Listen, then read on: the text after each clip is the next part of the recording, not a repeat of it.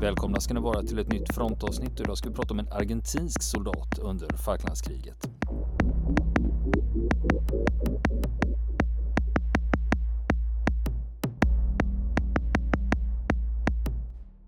Ja du Niklas, nu är det dags för tredje delen med Alejandro Cano. Just det, just det. Nu har vi avverkat Goose Green, eller rättare sagt han har avverkat Goose Green. Slaget där och eh, de, eh, de eh, eh, har alltså hans halvbatteri då har i slutet av maj då efter striden vid Goose Green omgrupperat snabbt därifrån, från det stridsområdet då. Medan större delen av det argentinska infanteriet på platsen däremot blev britternas krigsfångar. Och vad som händer sen då, för det här är ju inte slutet för striderna som eh, Alejandro Cano och hans kamrater deltar i. Utan batteriet drar sig tillbaka till de kullar som omger Port Stanley, eller Puerto Argentino som argentinarna kallade staden då. Och de här kullarna runt Port Stanley, det var alltså den sista försvarslinjen för den argentinska huvudbasen på Falklandsöarna. Det var där den sista striden skulle stå så att säga. Och eh, Kano han berättar själv då att på eftermiddagen efter eh, eh, striderna då vid, vid Goose Green där så transporterar de oss till berget Dos Hermanas eftersom engelsmännen tydligen skulle gå i land från fartygen nedanför berget för att ta berget från det hållet. Det trodde vi i alla fall. Men eftersom vi var en artillerigrupp skulle vi ge understöd åt infanteriet som försvarade det här området. Så berättar han helt kort om den, den omgrupperingen då. Ja, och Dos Hermanas som den kullen heter där han hamnade efter Goose Green. Den har ett annat namn i de brittiska historieböckerna. Där heter den Two Sisters. Och striden om Two Sisters är ju en av de eh, omtalade drabbningarna under den brittiska framryckningen mot Port Stanley. Eh, och den inträffar då, om man ska bara ska dra huvuddragen, eh, huvudstriden den 11 och 12 juni 1982, alltså ett, nästan två veckor efter Goose Green. Eh, och det är en av eh, tre strider i brigadstyrka som ägde rum en och samma natt. Och de andra två striderna det var vid Mount Longdon och eh, Mount Harriet. Och det här handlar alltså i alla de här fallen om höjder runt Port Stanley. Men striderna hade ju egentligen börjat redan långt tidigare innan de så att säga blev, eh, blev intensifierade där i mitten av juni. Och eh, redan tre dagar efter reträtten från Goose Green. Eh, så då är vi framme i början av juni, så skjuter både tredje och fjärde artilleribataljonen ur luftlandsättningsstyrkorna mot framryckande britter som hotade att tränga fram mellan kullarna som omger Port Stanley. Och under morgontimmarna den 4 juni så besköt brittiskt skeppsartilleri fjärde artilleribataljonens positioner i 45 minuter. Och från och med det ögonblicket så blev det brittiska skeppsartilleriets beskjutning mot artillerinska artilleriställningar en, en vardagssak. Det fick man vara med om nästan dagligen efter detta. Ehm. Och från den 11 juni så trappas de här beskjutningen upp. Då utsätts artilleristerna för brittisk artillerield och även sporadiska flygangrepp. Och under de här angreppen så, så stupar två medlemmar av den här artilleribataljonen som Kano tillhör då. Det är en soldat vid namn Romera från B-kompaniet och sen en, en annan menig soldat Valejos från stabskompaniet. Så att det var ju ändå ganska begränsade förluster kan man säga. Men eh, förstås otroligt påfrestande att hela tiden bli beskjuten från havet och, från, och bombarderad från luften. Och den 11 juni då I skymningen samma dag så börjar britternas anfall mot den första kedjan av kullar som omger Puerto Argentino, Port Stanley då. Och eh, artilleriet, för nu är alltså de eh, luft, argentinska luftlandsättningstruppernas artilleri samlat och det är alltså två bataljoner då. Det är artillerigrupperna 3 och 4. Eh, de uppför gång, utför gång på gång elduppdrag åt det egna infanteriet som eh, anropar och, och begär understöd. Och eh, under eh, natten så lugnade ner sig men i gryningen nästa dag den 12 juni så försvarar fjärde artilleribataljonen berget Dos Hermanas, Two Sisters alltså, och understödjer ett infanteriregemente, det fjärde infanteriregementet. Eh, så länge som den framskjutne eldledaren eh, kan arbeta. Eh, när trycket blir för hårt på de argentinska trupperna så tvingas regementet och även eldledaren dra sig tillbaka då, tillsammans med det retirerande infanteriet. Eh, men han den här eldledaren då, det är en underlöjtnant, han heter Takle. Takle. Eh, han eh, får genast annat att göra för redan samma gryning så leder han elden mot Mount Longdon och de brittiska styrkornas framryckningsvägar i väster och nordväst. Eh, och detta för att underlätta för ett annat infanteriregementes eh, tillbakadragande och även för den argentinska marinkårens tillbakadragande. Och under de här insatserna så avfyrar, eh, avfyrar eh, Canos bataljon cirka 400 granater från Dos Hermanas mot britterna. Och efter detta då så koncentrerar sig det argentinska artilleriet på Mount Longdon. Eh, där britterna då också eh, tränger fram. Och eh, fjärde bataljonen, Canos bataljon, sköt i tio timmar i sträck mot förbestämda mål samt mot mål som ropades in av den framskjutna eldledaren och, eh, eller av någon av kompanicheferna i infanteriet. Men resultatet blev ganska blandat. Då, eh, man hade inte alltid den framgång man hade hoppats, där träffsäkerheten var, var inte den bästa. Och över Mount Longdon så skjuter man när mörkret faller då lysgranater för att understödja eh, infanteriets mörkerstrid. Och eh, fallskärmsartilleriet då, Kanos artilleri, de avfyrar 15 gruppsalver över Longdons krön. Alltså med alla kanoner då, eller alla haubitsar eh, menar jag. För att eh, så, så inte våra artillerikunniga lyssnare får hjärtan, hjärtinfarkt här. Eh, och detta då för att stödja de sista argentinska försvararnas tillbakadragande från sina ställningar. För striden på marken den går inte särskilt bra. Eh, och vid mörkrets inbrott så besköt man berget då som britterna erövrat tidigare samma kväll, då, Mount Longdon. Och eh, enligt eldledarens eh, rapport så var verkan dock ganska dålig av beskjutningen. Lysgranater och spränggranater med tidrör exploderade på helt olämpliga höjder ovanför de brittiska trupperna och gjorde mycket begränsad skada då. Det var alldeles för högt helt enkelt. Och klockan 17 den 13 juni så eh, eh, gav eh, fjärde, batteri, eh, fjärde artilleribataljonen och ett batteri ur en eh, fältartilleribataljon ur armén, den var, reguljära armén då, eh, direkt eldunderstöd åt eh, ett, en bataljon ur marininfanteriet i ett av eh, passen mellan kullarna, Pony Pass. Och där stoppar man en sp brittisk spaningspluton då ur Second Scots Guards som hade fyra pansarfordon, alltså Scorpion-vagnar. Ehm. Och där sätter man in då spränggranater med mekaniska tidrör. Och man har viss verkan där, alltså britterna räknar in två stupade och fyra sårade i den striden.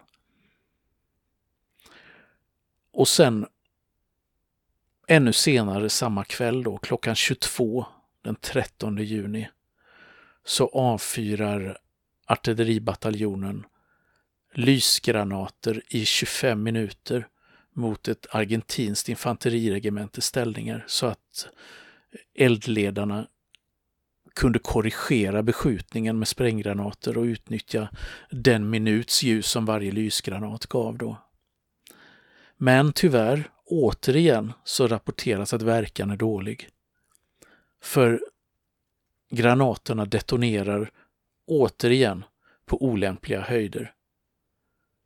Och det gällde både spränggranaterna och det gällde lysgranaterna. Och i lysgranaternas fall då så förkortade det belysningstiden.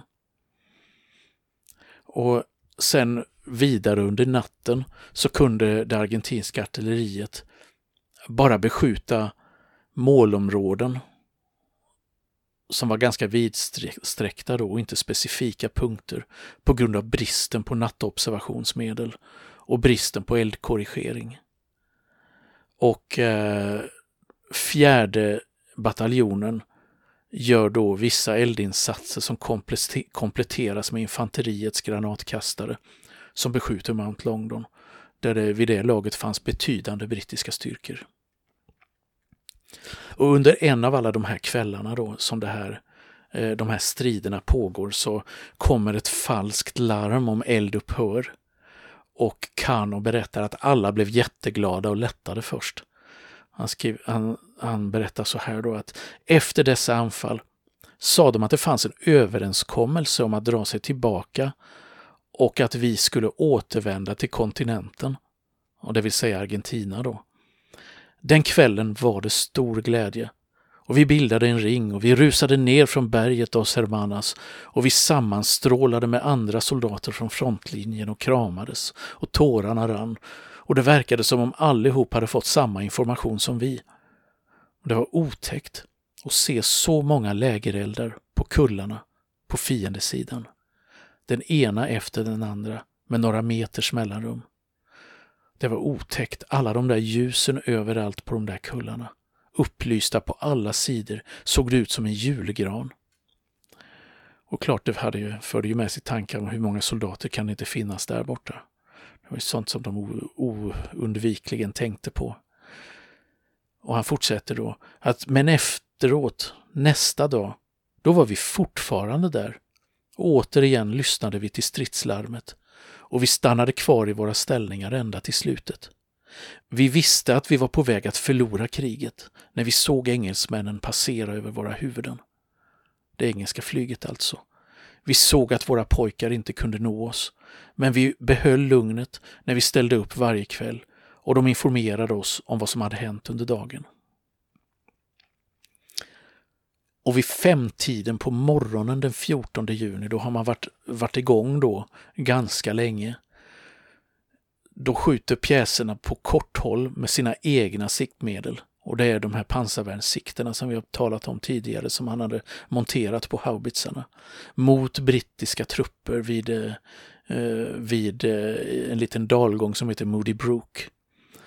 Och då stupar ytterligare en artillerist från, eh, från Canos kompani ett regemente, ett argentinskt regemente eh, ur armén då, eh, sjunde infanteriregementet, drog sig tillbaka i den vevan från ännu en höjd, Wireless Ridge, medan artilleriet ur de luftburna trupperna sköt intensivt mot britterna. Och la mellan fem eller sju salvor över Longdon och Wireless, där det då fanns brittiska förtrupper. Och lastbilar skickas fram för att boxera bort de argentinska pjäserna men tvingas avbryta på grund av det brittiska bombardemanget. Och från det ögonblicket så kunde det argentinska artilleriet inte längre omgrupperas. De var fastnaglade där de var, helt enkelt.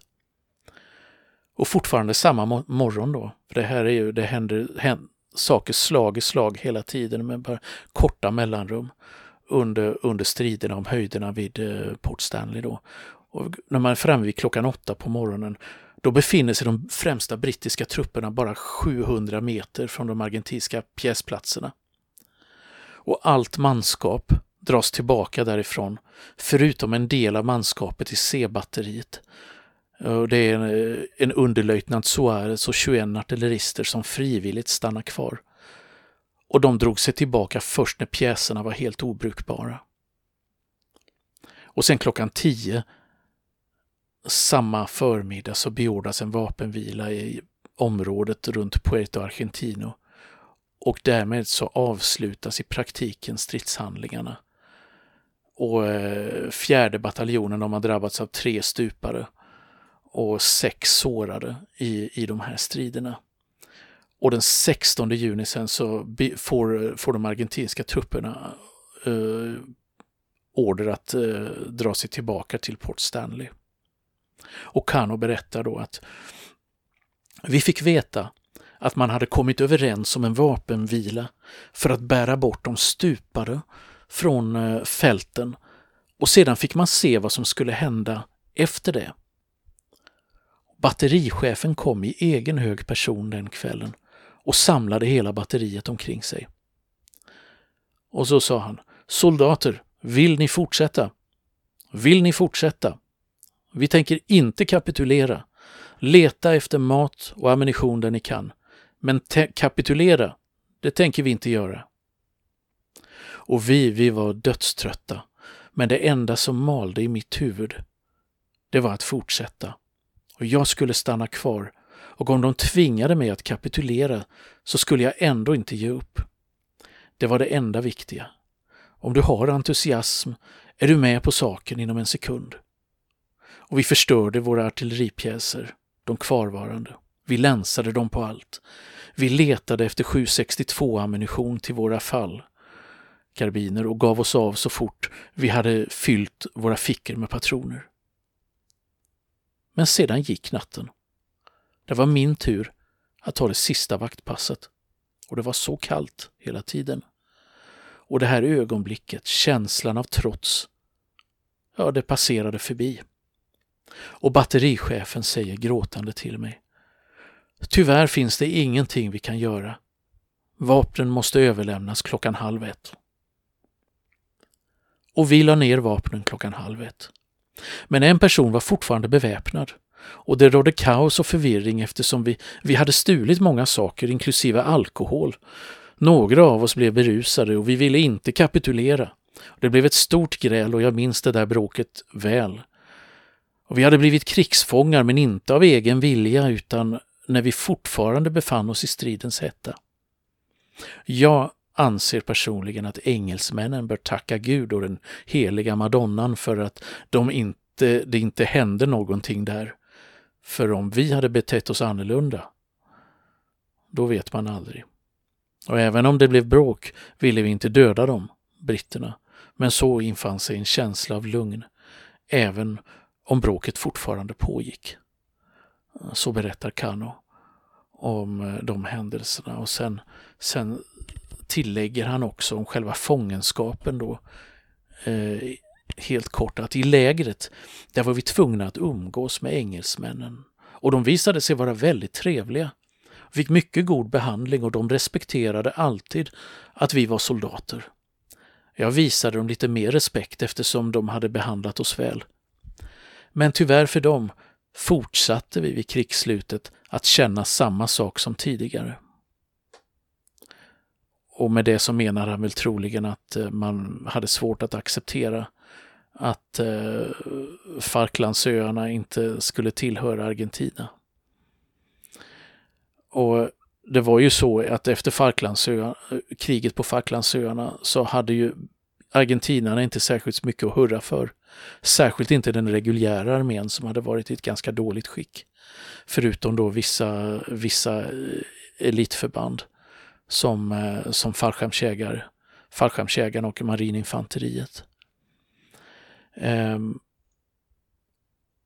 och då är det så att just eh, Kanos bataljon, när det gällde dess prestationer i konflikten så fick manskapet i fjärde bataljonen då eh, Grupo Artilleria Aerotransportada.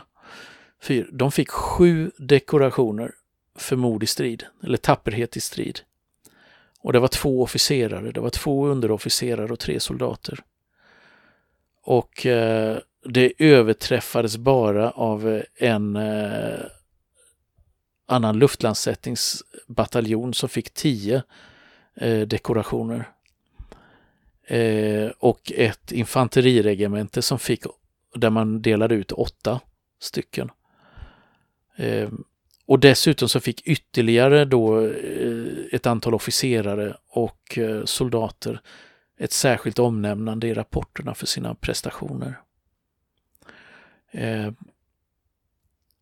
och det är man väldigt noga med att framhäva i den argentinska förbandshistoriken från, från Falklandsöarna att man hade minsann man kunde minsann dela ut ett antal tapperhetsmedaljer där också på sin sida. Och eh, det är även så att just eh, den fjärde luftburna brigaden där, ehm, där eh, Kanos bataljon ingick, den har en speciell brigadfana där det fortfarande står Malvinas på från Falklandsöarna. Så det är man fortfarande, trots förlusten, på något vis stolta över att ha, ha deltagit i, i det kriget.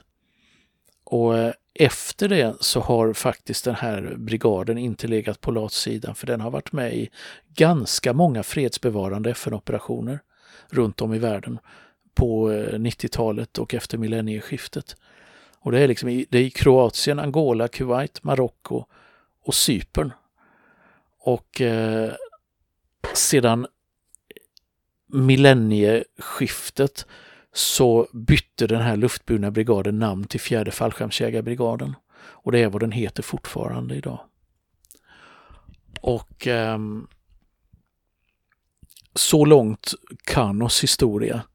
Eh, han är ju en av de få argentinska soldater vars berättelser har översatts eh, till ett annat språk än spanska så att vi, vi kan ta del av det trots språkbarriären. Ehm, och ehm, vi ska väl se framöver om vi kan hitta någon, några fler spännande historier på den spanska sidan också där. På den argentinska sidan menar jag. Eh, och det är ju så, då kan man ju ta ett litet restips för våra, våra trogna lyssnare också. Och vi har ju pratat en hel del om de här Melöra-haubitsarna då som gick att plocka isär och konka iväg i eh, sina beståndsdelar eller transportera på, eh, på eh, mulåsner. Och det finns faktiskt en från den här luftlandsättningsbrigadens artilleri på ett museum i Storbritannien. Och den står på eh, Airborne Museum i Aldershot där finns en av den argentinska luftlandsättningsbrigadens haubitsar till beskådan för den tog som krigsbyte av britterna.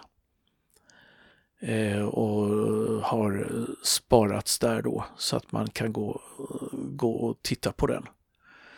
Eh, men det finns ju fler eh, från Falklandskriget på brittisk mark och det står faktiskt den i, i Portsmouth på Royal Marines Museum eh, också.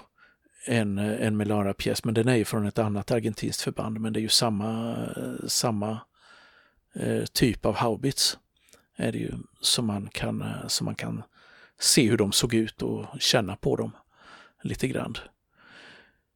Eh, så det, det, kan ju vara tips för den som har vägarna förbi England eh, någon gång framöver. Men ändå att transportera den hem från Falklandsöarna där efter kriget. Ja. Eh, det, är ju, det, är, det är inga små, små grejer liksom. Nej, det var väl inte så, så enkelt så att säga. var det väl inte. Men eh, ja, fartygen skulle ju hem igen. Så de stuvade väl in det man kunde få med sig helt enkelt. Och, eh, så att det är ju faktiskt lite kul att det finns, det finns saker bevarade. Och vi nämnde tidigare i första avsnittet tror jag. Eh, att de argentinska luftvärnspjäserna, de, alltså Erlikon eh, kanoner. Eh, och där kan man faktiskt på Imperial War Museum i London se ett exemplar av, eh, av eh, de här luftvärnskanonerna som, som eh, britterna tog som krigsbyte vid Port Stanley. Mm. Ja, det är intressant. För jag tänkte just på det, du pratar om det där med argentinska historien, eller den argentinska sidan av kriget. Eh, men de här gångerna jag kommit i kontakt med det, just när det gäller Falklandskriget, eh, det gällde ju dels då slag, de avsnitten vi gjorde om slaget om Mount Longdon. Där eh, fick jag ju tag på berättelser från argentinska soldater och sen också när de avsnitten vi gjorde om Goose Green. Och där handlade det ju väldigt mycket om vem var det som sköt ihjäl eh, överstelöjtnant Jones. Men det finns, jag är övertygad, men eh, ofta när jag har letat så är det ofta eh, det jag hittar, det som är lättast att hitta, det är ofta sådana här liksom om, eh, om de argentinska specialförbanden som var där 601 kommandos och Buso Tacticos och de eh, ryktbara förbanden. Där är det, känns det som att det finns mer att tillgå än de här eh, vanliga värnpliktiga liksom. Ja, de, de, deras historia var väl lite mer, de kunde ju vara lite mer skryta lite mer om sina insatser på ett annat sätt kanske än de här, de här hungriga och frusna värnpliktiga som inte hade fått så mycket utbildning och så.